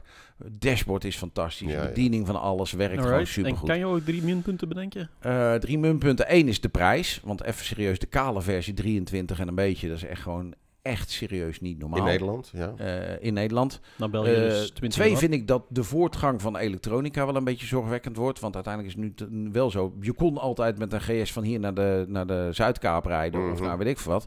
Nou, ik wens je heel veel succes. Bij, normaal kwam je met zo'n ding bij een fietsenmaker in Gambia en die fixte hem dan weer voor je. Mhm. Ja, dat vind ik nu best wel eh, met, met je adaptive ride height. Wens ik je daar super veel succes mee. Eh, dat gaat niet helemaal goed komen. Ja, of Ehm, even een buizenframe lassen, dat is er ook niet meer bij natuurlijk. Ook dat, Ja, ja, ja, ja. en, en eh, de- de, complicaties die er tegenwoordig in, zingen, eh, in zitten, die het zo gaaf ding maken voor Nederland, maar die hem daarbuiten steeds minder geschikt maken. Ehm, en drie, wou ik toch nog even de prijs noemen. Dus, ja, ja, oké. ja. Nee. Mooi, ik Ja. denk dat we daar kunnen afronden en overgaan naar de vaste rubrieken. Want eh Oh, Joost, ja? Heb je de mail gezien? Zit er iets, eh, Ja, de- zit er iets in jouw brievenbus. Een brievenbusje zit er brievenbusje, iets. ja. Ja, hier komt hij. Let op. Eh, eentje van ene Jasper. Beste heren, eh, de amateurcircuitrijder rijdt veelal met straatgereden supersport. Wat? Eh, al dan niet opgebouwd voor het racen op circuits. Aangezien de verkoop en ook de nieuwe ontwikkelde supersport flink is opgedroogd. Wat is de toekomst van, voor de amateurcircuit racer? Gaan de circuitmotors schaars en kostbaar worden? Circuitmotors, dus gegarandeerd iemand uit België. Dankjewel, Jasper. Nou, zeg het maar. Gaan de circuitmotors schaars worden? Volgens mij is elke motor een circuitmotor. dus eh, Jij werkt bij Ducati, hè? Ja, ja, dat, dat klopt. nee, ja. tuurlijk, je kan met alles op circuit rijden. En als je dan de laatste jaren ziet dat je zo'n trend hebt gehad met eh, ja, goedkope naked bikejes die omgebouwd worden tot circuitmachines, dan gaat dat altijd wel blijven bestaan volgens mij. Maar inderdaad, circuitmotoren zoals we ze kennen of kenden, de, de CBR 600, GSXR 600, Ninja 600, etc., dat is er aan het uitgaan. Nou ja, Maar dat wil niet- dat wil terug, niet zeggen- ho. Ja, ja, Kawasaki is terug. Ja, Ja, ja, Kawasaki oké. Ze zijn terug, maar er worden er geen meer van verkocht. Of Nee. geen grote aantallen. Dus dat, eh, dat budget circuitrijden, als ik het zo mag noemen, dat gaat ongetwijfeld veranderen. Daar zullen andere motortypes opduiken. Maar of dat nu helemaal gaat verdwijnen, dat betwijfel ik ten zeerste. Daarvoor is het eh, te leuk om met pff, een CB500 Ja, er zijn ook wel op steeds circuit te weer rijden. Nieuwe dingetjes die op basis bijvoorbeeld van een eh, Triumph Street Triple, dan kan je gewoon weer Ja. een kuipje erop zetten. Dus ik denk dat daar ook wel wat toekomst in. Daarover gesproken, eh, het is niet de, de, de mo- mo- motormarketingmessen, de jingle hoeft er nog niet in, maar eh, Triumph verspreidt een persbericht. Ze gaan racen in het WK Supersport, bla bla bla bla. En dan staan ze bij een motor die ze niet te koop hebben. Namelijk eh, ja, de, de Street Triple 675 met een racekuip erop. Dat Oh, zou eigenlijk de ja. Daytona 675 moeten zijn. Maar die hebben ze nog steeds niet. Ja, Dus, enkel eh, die ja. limited edition natuurlijk. eh, Ja, ja. ja. die Motor 2 van eh, weet ik veel hoeveel. Maar eh, eh, bij elke persintroductie, ook van de Street Triple, is elke vraag. Dus bij elke persconferentie Ja. dus ook. Wanneer komt de Daytona? Wanneer de Daytona. Ja, en wanneer de Daytona komt, nou dan komen ze met een of ander onzinnig eh, wollig lulverhaal. En uiteindelijk, hij komt dus gewoon niet. Maar elk jaar presenteren Ja. ze weer. Kijk, we gaan racen met deze. Ja. Maar dus om Jasper een antwoord te geven, uh, budgetair circuitrijden gaat altijd blijven bestaan. Je gaat gewoon iets inventiever moeten zijn met je motorkeuze. En ja, de oldschool viercilindertjes, uh, die zullen er misschien uitgaan, maar je gaat nog altijd ja, van de motorfietsen die veel verkocht worden, kan je alles ombouwen tot circuitwaardig ding. En vaak vind ik, uh, we hebben het wel vaker over gehad, als je een, op het circuit gaat, maakt het eigenlijk niet... Als je allemaal dezelfde frikandel hebt, is het fantastisch lollig. Het maakt eigenlijk niet uit wat je hebt. Al ga je met een, uh, met, met, een bagger ga je racen, dan schijnt, nou, dat is ook nog wel weer lachen, weet je wel. En, ja. En zelf vind ik ook goedkope circuitmotortjes. Als je nu een R6'je van uh, Marktplaats of van mobile.de uit Duitsland haalt, waar weinig mee op straat gereden is en daar een circuit Mobile uit Duitsland. Ja, ja, dat werkt super Mobiele, goed. ja. ja. mobile, dat klinkt in één keer Italiaans. Uh, Sì, de ja. mobile. Uh, zeg ik het verkeerd? Molto particolare. Mobile? mobile. Nou, ik heb Anyways, geen idee. ja, Jos brievenbus is bij deze geleegd. Ja, ik wel graag uh, meer nieuwe brieven. Nieuwe brieven. Nieuwe brieven. Ja, naar uh, motorpodcast.nieuwsmotor.nl. Yes. En de aanhef zou dan moeten zijn Livio's. Ja. Alright. Ja. Over naar de marketingmisser. Daar heb jij er eentje van klaarstaan. Oh, is dat zo? Ja. Uh, moet ik even denken, wat was dat ook alweer? Uh, oh.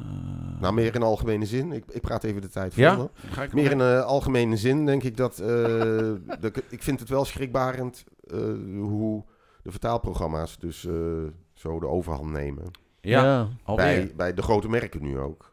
Dat je toch altijd bij een kuip, dat je nog altijd wel het woord koepel tegenkomt. Of bij het bodywork, dan heet het in één keer de carrosserie van een motor. en dat zijn nog maar Ja, de makkelijkste voorbeelden. Hier hebben we het al een paar keer over gehad. We hebben en het al een paar keer over gehad, hoor, van aan de andere de kant. vol. Ik kan Ja. even getuigen van aan de andere kant van de grens. Dat ehm, ja, er is geen budget meer voor vertalers, dus dan gooi je het allemaal in de Google Translate en dan hoop je dat er iemand daar nog op een bureautje zit die er even over kan gaan en that's it. En dat is inderdaad Maar er is geen... Ja, dat vind ik zo... voer voor Vind marketing. ik Dus- zo ongelooflijk gewoon dat er geen budget voor is. eh, Ja. Voor dat soort dingen. Ik ben eruit, jongens. Ik had, uh, Oh, weet je, de afspeellijst. MMM, Triple M, de marketing misser. De afspeellijst. de live, ja, de Livewire afspeellijst. Ja, echt serieus. wat met die live wire. Ja, ik vind, het, nee, ik vind Livewire super goed rijden. Alleen ik moet altijd een beetje lachen om, dat- om dingen die er verzonnen worden, om dat ding maar onder de aandacht te blijven brengen. Ze hebben nu de S2 Del Mar uit. Eh, dat moet de redding worden van Livewire. Ehm, maar ik heb er nog niet op gereden. Nee, ik heb geen idee. dat ding? Ja, dat is altijd een beetje. eh, Ja, die is toch ja. voorgesteld in Amsterdam? Klopt? Ja, klopt. Ja, ja, ding. ja. Bij de Harley dealer overigens. Ehm, maar dat geldt terzijde. In andere plekken deden ze dat in de, in de bike shed en dat soort hippe dingen. Maar in Nederland deden ze dat gewoon toch maar weer bij de Harley dealer. Mhm. Ehm, maar dan komt er een, ja, uiteindelijk vind ik het eh, wel soms een beetje wat schattigs hebben, weet je. Nee, dan komt er een merk uit en die stuurt dan een mailtje. We hebben wat verzonnen, jongens. We hebben de Livewire afspeellijst op Ja. Spotify. Nou, en als je dan op je Livewire rijdt, kan je dan je Livewire Spotify-lijst kan je dan afspelen. nou, dat is toch hartstikke Daar hebben ze dan een Ja. marketing agency waarscheinlijk 10.000 euro voor betaald Waarschijnlijk om wel, even ja. de, de playlist van de stagiair eh, om Ja. te toveren. Ja, Maar maar ja, eigenlijk, ja, van eigenlijk al over. Jij, jij hebt Ja, gelijk ja. al de goede eh, op nummer 1 natuurlijk. Ik weet, je, je weet gewoon dat het eerste nummer dat dat Steppenwolf Born to be Wild zijn. Get your motor running. Ja. Dat- Nou, ik dacht zelf, wat de playlist waarschijnlijk is, dat je na een half uur denkt, ik hoor verdomme nog niks. Ja, of zo eh, Isle of Man 1966, de achtergrondgeluiden. Om op, je- oh, het, is, het is te gemakkelijk om met die elektrische motoren te blijven lachen, Ja, jongens. dat. Eh, we moeten het nog even hebben over Suzuki. Want jij gaat er Oh, binnenkort met eh, de nieuwe Suzuki rijden. Daar hadden we het in eh, de vorige aflevering op de Ja. Eikma al over. Ze hebben de G... GSX S1000 GX. Maar ik heb een soort omwegje gevonden. Als ze hem vanaf nu gewoon GX noemen. Ja. Gewoon de, De Suzuki GX. Punt. Ik vind het heel leuk, want het zat niet in Jos' brievenbus, maar het zat in mijn brievenbus dat ehm, ja, een, eh, ja, een, een bepaalde lezer had doorgestuurd dat hij een geweldige hekel had aan het feit dat jij GSXR met een harde G uitspreekt, of een zachte G. G. Ja, Ja. De, de GSXR, en dat bij Ja. mij de GSXR is. Ja. Eh, en dat hij daarom eh, een geweldige hekel had aan mensen van boven de, rivieren. de rivieren. ja, ja, ja, ja, ja, Wat? ja, ja, ja, dat is ook geheel terecht. Ja, exact. Echt waar? Ja. Maar dus bij de GX is het Ja. ook, eh, is het ook dat- Dus eigenlijk gewoon liever een zachte G dan een harde Ja. L. Ja. Toch? ja, dat, Ik heb een harde L met een zachte G. Ja, Ja. Jos het Oh, Os. komt Ja, die. die Ja, kent hem niet. nee, Jos het Os. Ja, de- Maar dus sorry daarvoor. Eh, Ja, die vertel- luisteraar vertel kan- ja, dat is verschrikkelijk. Die luisteraar moet ik teleurstellen. Ik heb een hardere G dan dat de mensen van beneden de rivieren dat hebben. En in de GSXS 1000 GX. Maar daar ga ik dus zondagavond heen. Eh, morgen, eh, morgenavond is dat. Eh, in Portugal, omgeving Lissabon, gaan we daar met die uh, machine rijden. En ik heb er wel heel erg zin in. Want ik ben altijd groot fan geweest bijvoorbeeld van de S1000 XR, dat soort spul. Uh, mm -hmm.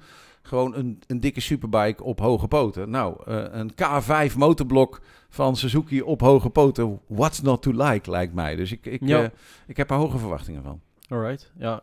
Om even terug te komen op die GSX S1000S de gastrespons die hebben ze door de jaren heen natuurlijk wel een stuk verbeterd. Ik ben Ja, ook wel benieuwd om te zien wat die GX gaat geven. Want ja, Kawasaki was natuurlijk de eerste met de, de originele viercilinder op hoge poten, die Versys.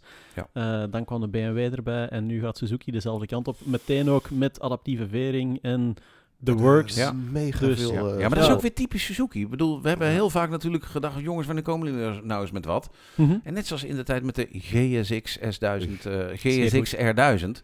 Opeens uit het ni- niks komen ze dan met een ding die helemaal alles shebang gewoon heeft. Die Ja. gewoon Ja. volledig compleet is. En dat is nu ook weer. Dat je denkt, waar komt dat ding opeens vandaan? Maar alles erop en eraan inderdaad. Ik denk in ieder geval dat we kunnen er wel op rekenen dat die GX Ja, wel ongelooflijk veel van de, van de S eh, zal afsnoepen. Dat denk, ik denk dat de S klaar is. Ja. Ja, de GX. even eh, even ter illustratie. Ik, ik heb de afgelopen twee weken eh, de G... God Christus. GSX... 8 de GX, GSX-8S gehad. Eh, Gehad. eh, gehad. Doet hij goed? En eh, tussen de regen doorgereden. En eh, gisteren weggebracht en ingeruild voor Ja. een V-Strom 800. Alright. In de kleur lege groen, zag ik. In de kleur lege groen. Maar god Christus, zeg op de terugweg, dan is het toch wel even anders. Gewoon als je met een kuip en alles rijdt. eh, Lekker, verge- een Ja, een, een naked bike in dit pokken weer. Mhm. Of zo'n hoogpoter. Ja. Zakkerloot, hé. Dus ik, ik voorzie inderdaad problemen, commercieel gezien, voor de, voor de Naked S-versie eh, van Suzuki. Alright. Maar wat vond je ervan dan nog? Twee cilindertje, lekker. GSX eh 8. eh, de, de G, GSX. Het wordt heel ingewikkeld nu. Noem het gewoon... GSX, de 8. De 8 ik vond het een heerlijk ding. Maar er zat een, eh, een uitlaat op van Arrow. Ja, En daar hoort ook weer een verhaal bij. Want bij hoog en belaag wordt bezweerd dat dat ding eh, legaal is. Nou, ik heb nieuws voor je, maar dat ding is zeker niet legaal. Nee. Heerlijk geluid, maar Ja. god Christus. ja. Die, eh, Veel- maar die. Die uitlaten, dat is, eh, daar is iets heel raars aan de hand. We hebben het er al vaker over gehad. Die EU5-keuring is nou ja, een beetje in het voordeel van de motorfabrikanten zeg maar, en van ons als we van geluid hou- houden. Maar ook bij uit, uitlaten is dat nog erger. Ik bedoel, eh, de Mhm. meeste herriepijpen van eh Akrapovic of eh, zelfs van Jekyll en Hyde, die dingen, die worden allemaal gewoon eh, EU5 gehomologeerd. Het is best lastig praten zo. maar ehm, Ga je, ga je ja, Limburg? ik doe echt ga wel mijn best. ik- Ja. Dan ga ik Brabants eh, ge- ge- gehomologeerd. En ehm, eh, eh, eigenlijk is dat gewoon een grote fopperij natuurlijk. Ik bedoel, Mhm. hoe het kan. Maar eh, er zijn mensen die Klonk vinden het prachtig. Echt heerlijk geluid. Dat wel, dat spreek je dan over een gewone slip-on demper? Ja. Die al... Oké. Ja, ja, fantastisch geluid. Er zitten ook nog kleine, eh, heet het? kleine puntjes is hier nog gesoldeerd. Dus je kan ook nog de hele tyfuszooi eruit halen. Ja. Dan, eh, dan klinkt Dan het helemaal hard. Ja, dat mag niet meer met een schroefje, maar dat moet met een lasje zijn Met inderdaad. een lasje, maar ja, die Ja, slijp je zo Ja, weg als je Dus, erop eh, hoest, dan is die los. Maar gewoon die Arrow, die, eh, dat is al, eigenlijk al een aankoopargument op zich eh, voor zo'n ding. Ik vond het echt een hele leuke motor. Maar koud, met dit weer. Koud. Ja, en weinig windbescherming. Ja. Ik heb nog twee onderwerpjes staan. Eh, ik zal maar beginnen met eh, de eigen pijperij.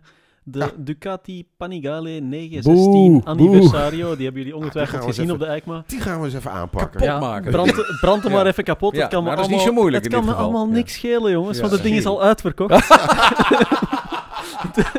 ik wil niks zeggen, maar in mijn Ja. eerste week bij Ducati is er even 22 miljoen binnengehaald Zo, door Dan heb eh, jij gewoon, dan ben je- 500, Ja, gewoon 500 geregeld. fietsen te verkopen. Jouw kerstpakket is binnen. Ja, het, gedaan, een miljoen, eh, grazie mille. eh. Ja. Nou ja, eh, persoonlijk, maar uiteindelijk gaat dat niemand verbazen dat ik deze op dezelfde hoop veeg als de Yamaha XSR 900 GP.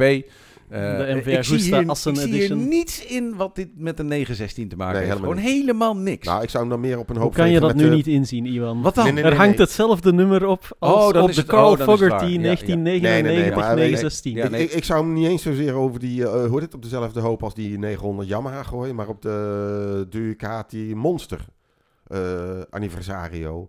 Want daar was ook werkelijk helemaal niets. ja, ja, eh, ja is zit origineel. ja. wat, herinnert aan het eerste Precies, model. ja, maar, bij- ja, maar daar dacht ik dan nog een beetje bij, oké, die snap ik, maar de 916, Ik vind het een mooi ding. Laat ik dat even Ja, vooropstellen. natuurlijk, elke Panigale is een mooi Al, ding. punt. Alleen de, de onzin, Nou. eh, de, de marketing onzin eromheen van dat dit een 916 is. Ja, dan toch laat mij met rust. Op- Maar uiteindelijk, als het jouw kerstpakket regelt... 22 miljoen. Ja, het zie Maar dat is grappig, want ik weet, eh, Ducati Ja, brengt... dank voor je mening, Ja. Iwan. Ik Ja, hoor ze niet over de open Akrapovic van mijn Audi RS6, waar ik nu mee Oh, ben ja, ja, aangekomen. maar al, ja, dat... eh, Dienstwagen, ja, ja. Nee, de grap is, eh, Ducati komt heel vaak met super speciale modellen. En ik weet dat er dan eh, een aantal mensen zijn, in ieder geval in Nederland, maar in andere landen vast ook. Die worden standaard gebeld. Hey, hallo Gerard, eh, we hebben een nieuwe Hatse Flats eh, van, en die kost een ton. Nou, zullen we samen naar Bologna vliegen? Dan vliegen ze samen naar Bologna. Ja. Draaien ze er een rondje omheen. Motor is al eigenlijk al bij het eerste telefoontje is dat al geregeld. Even naar Club Fuck en en- klaar is het. En, Ja. nee, nou ja, en die gaan dan. En, dan, en, die, en dat zijn mensen die hebben een verzameling, jongen. Nou, echt watertanden, prachtig mooi. En ja, super tof. Ja. Echt waar. Maar zo werkt het met die specials vaak. Dat die da- daarom ook binnen 10 minuten uitverkocht zijn. Want als je er maar. Hoeveel zijn er van? 100? 500. 500, dat is wel veel. Gelimiteerd en genummerd. Ah, oké. ja, En ja. genummerd heeft. Ja, je zal Oh. 499 hebben. hè.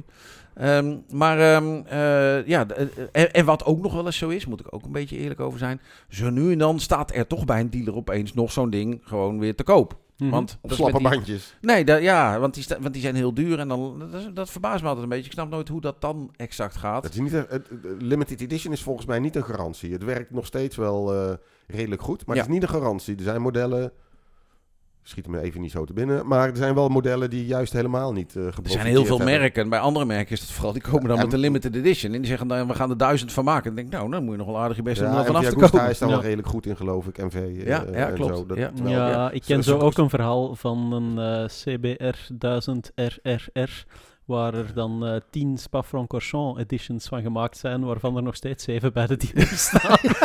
dan wordt Ja, het ja. natuurlijk Het mooiste voorbeeld pijnlijk. daarvan, denk ik, is toch... Ik ben ooit bij de introductie geweest van een R6. eh, Oh, eh, oh, ja! Van, van, van Valentino. Rossi. Wacht, wacht, wacht. Dit, Ja. dit moet je echt uitgebreid vertellen. Dit Ja. is zo mooi. Ja, eh, de, de R6 van Valentino Rossi was dat. Met aan de ene kant zwart en aan de andere kant geel. Ik heb het verhaal al vaker verteld misschien, maar hier nog niet. Eh, dat ding, nou, er was Valentino Rossi bijgehaald. Ik kreeg een gesigneerde helm. We kregen, het was één grote inpakkerij allemaal. En eh, het, eh, op het evenement zelf zegt Valentino al... It's not my yellow, Yamaha wanted it. Dus het was de geel kleur Verkeerde van... gele kleur. Verkeerde ja. gele kleur. Het was de Yamaha geel kleur, niet de Valentino Rossi geel kleur. En eh, nou ja, uiteindelijk allerlei toestanden. Er hebben eh, veel te veel van die dingen gestaan. Op, op een gegeven moment kwamen dealers er niet meer van af. Die hebben toen maar de kuip blauw gespoten, de kuipen eraf gedonderd en de standaard blauwe kuip opgezet om van die kleren dingen af te raken. Ja. Lelijk dat ding. Nou hè, die was echt Lelijk. vreselijk. Ja. vreselijk. Bent u in het bezit van Oh, een ja, 2006 mailt u dan Yamaha maar. R6? Mail dan even Even uw naar klachten en eh, dreigbrieven nieuwsmotor.nl. Ja. naar Ja. info.nieuwsmotor.nl. Mijn god. Oh, prachtig. wat een mislukking. Alright, dan eh, komen we aan bij het laatste onderwerp. En eh, van Valentino Rossi is het eigenlijk Ja, want maar hij moet weg. Hij zit al op zijn eh, klok te kijken. richting onze, ja, onze zeg ik, want we spreken hier Benelux, eh Colin Veijer. Die, eh, ja. die heeft het heel goed gedaan. We nemen dit op op zaterdagochtend. Mhm. Ik moet zo als een dolle, want over een uur moet ik in Qatar zijn. Ehm, dat wordt nog wel een uitdaging. Nee, Colin Veijer heeft echt wat waanzinnigs gedaan in Nederland. Eh, eh, eh, sinds 33 jaar hadden we geen Grand Prix winnaar meer. Werd, elk jaar werd maar weer Hans Spaan gebeld. Hoe was dat ook alweer? ja, nee. en nu Colin Veijer heeft het geflikt. Was nog een beetje discutabel hoe zijn teamgenoot daarover dacht. Want die is in gevecht voor het wereldkampioenschap. Nobody Eh, cares. nobody in, In cares. de Benelux. in de Benelux eh, eh, is het jammer voor jou allemaal. Ja, Eh, arigato, time. eh, bedankt voor de punten. Ja. Ehm, maar het was echt fantastisch. En er gaat eigenlijk in mijn optiek ook nog wel veel meer uit dat jochie komen. Ja. Eh, hij is zo ja. Ja. relaxed, ontspannen, is niet het goede woord, maar misschien meer ja, beheerst, zeg maar. Hij is heel Mhm. beheerst. En eh, ja, ik vermoed dat we daar nog veel meer lol van gaan krijgen. Die ene En- bijna highsider, die eh, oké. Maar die Ja. redde die ook wel Ja. natuurlijk. En toen Ja. werd hij toch nog Ja. derde. Klopt. Ja. Maar ik vind echt, ja, Ik vind val vooral... je in de reden, maar ik denk dat we het volledig eens zijn met elkaar. Dat er straalt zo'n zekerheid op de een of andere manier vanaf van die gozer. Weet je wel, en hij werd door Sasaki dus eh, eraf gereden in India. India. En zo. Nou, dat zou hij nooit meer doen. En goddomme, Ja. hij flikt het inderdaad. Ja, dat maakt het verhaal iets makkelijker. Want eigenlijk, als je het van een afstand bekijkt, niet als Nederlander, is het niet super handig om vijf punten af te snoepen van je teamgenoot die in de race voor de wereldtitels. Mhm. Zo simpel is het gewoon. Ehm, maar door dat India-verhaal, waar die daar eigenlijk een beetje ja, te, te grazen werd genomen door Sasaki, die eh, opzij, opzij, opzij, ik moet er langs, eh, en, en Colin in het grind. Eh, dat heeft hem in dit verhaal eigenlijk net de credit gegeven dat hij ermee wegkomt en dat er geen gezaak verder over is. En ik heb gisteren nog een interview gezien met Sasaki, want eerst, zijn eerste reactie was heel zuur. Uh, zuur Saki was het toen echt, zeg maar. Het mhm. was echt gewoon begrijpelijk. Maar daarna, het interview wat ik gisteren gezien heb, was ultra volwassen. Joh, uh, ik begrijp het wel, Colin, dit en dat en dat. Ik had zelf misschien meer. Uh, dus Sasaki ook heel goed en sportief en professioneel opgepakt. Waarschijnlijk, dat, waarschijnlijk let hij er nu wel beter op, uh, Veijer. Tuurlijk, hij, zei ook... Hij heeft zijn, win, hij heeft zijn winst ja, Hij zei ook gewoon van uh, Sasaki, ik kijk op... Dat vind ik altijd mooi. Die gasten zijn met, met alles wat ze in hun leven hebben aan het racen op de scherm van de snee. En kunnen dan toch nog op het scherm zien wie er achter ze rijdt. Op dat grote beeldscherm langs de baan zien ze dat. Hij zegt, ik zag Colin Veijer achter me. Uh, ik zag een klein gaatje naar Marcia. Dus ik denk, dat gaat goed komen, want Colin gaat me niet aanvallen. Ja, daar had hij zich even op verkeken. Want Colin die propte hem eronder door in bocht 9. Ja, uh, nou oké. Uh, anders had ik wel later geremd. Nou, daar geloof ik dan niet zoveel van. Maar uiteindelijk is het een prachtig moment. En ik hoop dat we over 33 jaar kunnen zeggen dat we in die tijd nog tichtig, tig overwinningen en wereldtitels ik moet, even, ik, ik, moet even een groot compliment geven. Ja, na dat uh, debakel uh, van de Eikma natuurlijk. Over de, de, de, de XSR 900. Nee, nee, nee. Maar gewoon... ik, ik, vond het, ik vond het legendarisch. Het commentaar van jou vond ik echt legendarisch. Uh, oh, dank. Je, Er stond... heb je het gehoord? Nee, van Iwan heb ik niet gehoord. Ik kijk in België de Franstalige. Oh, de finish, niet de finish van Iwan was eigenlijk... Die stond in het uh, Epke Zonderland archief. Van hij staat, hij staat. En... Ja, okay. En Hilbert, nog een ronde. Deze heb ik dan, weer van, deze heb ik dan van Frank Weenink. Maar uh, het was fantastisch commentaar. Dit het moet echt de eregalerijen van bijzondere sportmomenten. Voor uh, we afsluiten wil ik er als Belg nog twee dingen aan toevoegen. En dat is dat die Colin Veijer inderdaad overkomt als een geweldig sympathieke kerel. Ook een van de weinige GP-piloten die erin slaagt om een interview te geven met de voeten op de grond en zonder zo'n marginaal idiote zonnebril die iedereen tegenwoordig op zijn kop heeft. Daarvoor alleen al uh, wint hij bij mij punten. En ten tweede, een dingetje wat me ook wel enorm opviel, dat is dan online de aftermath, zal ik maar zeggen. Als iedereen nu eens even kan stoppen met al dat gezeik over Zonta en Bo, dat zou ook wel heel leuk zijn om, uh, om er nog aan toe te voegen.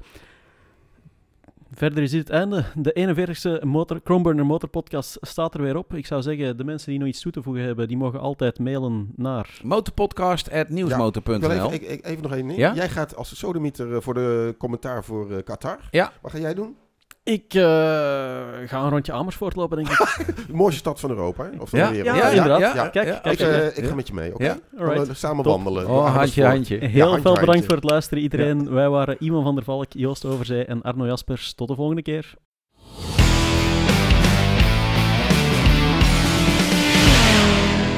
Leuk dat je luisterde naar de Groenburner Motorpodcast. We starten alvast de motoren om aan de slag te gaan voor de volgende aflevering. Die hoor je over twee weken. Tot dan!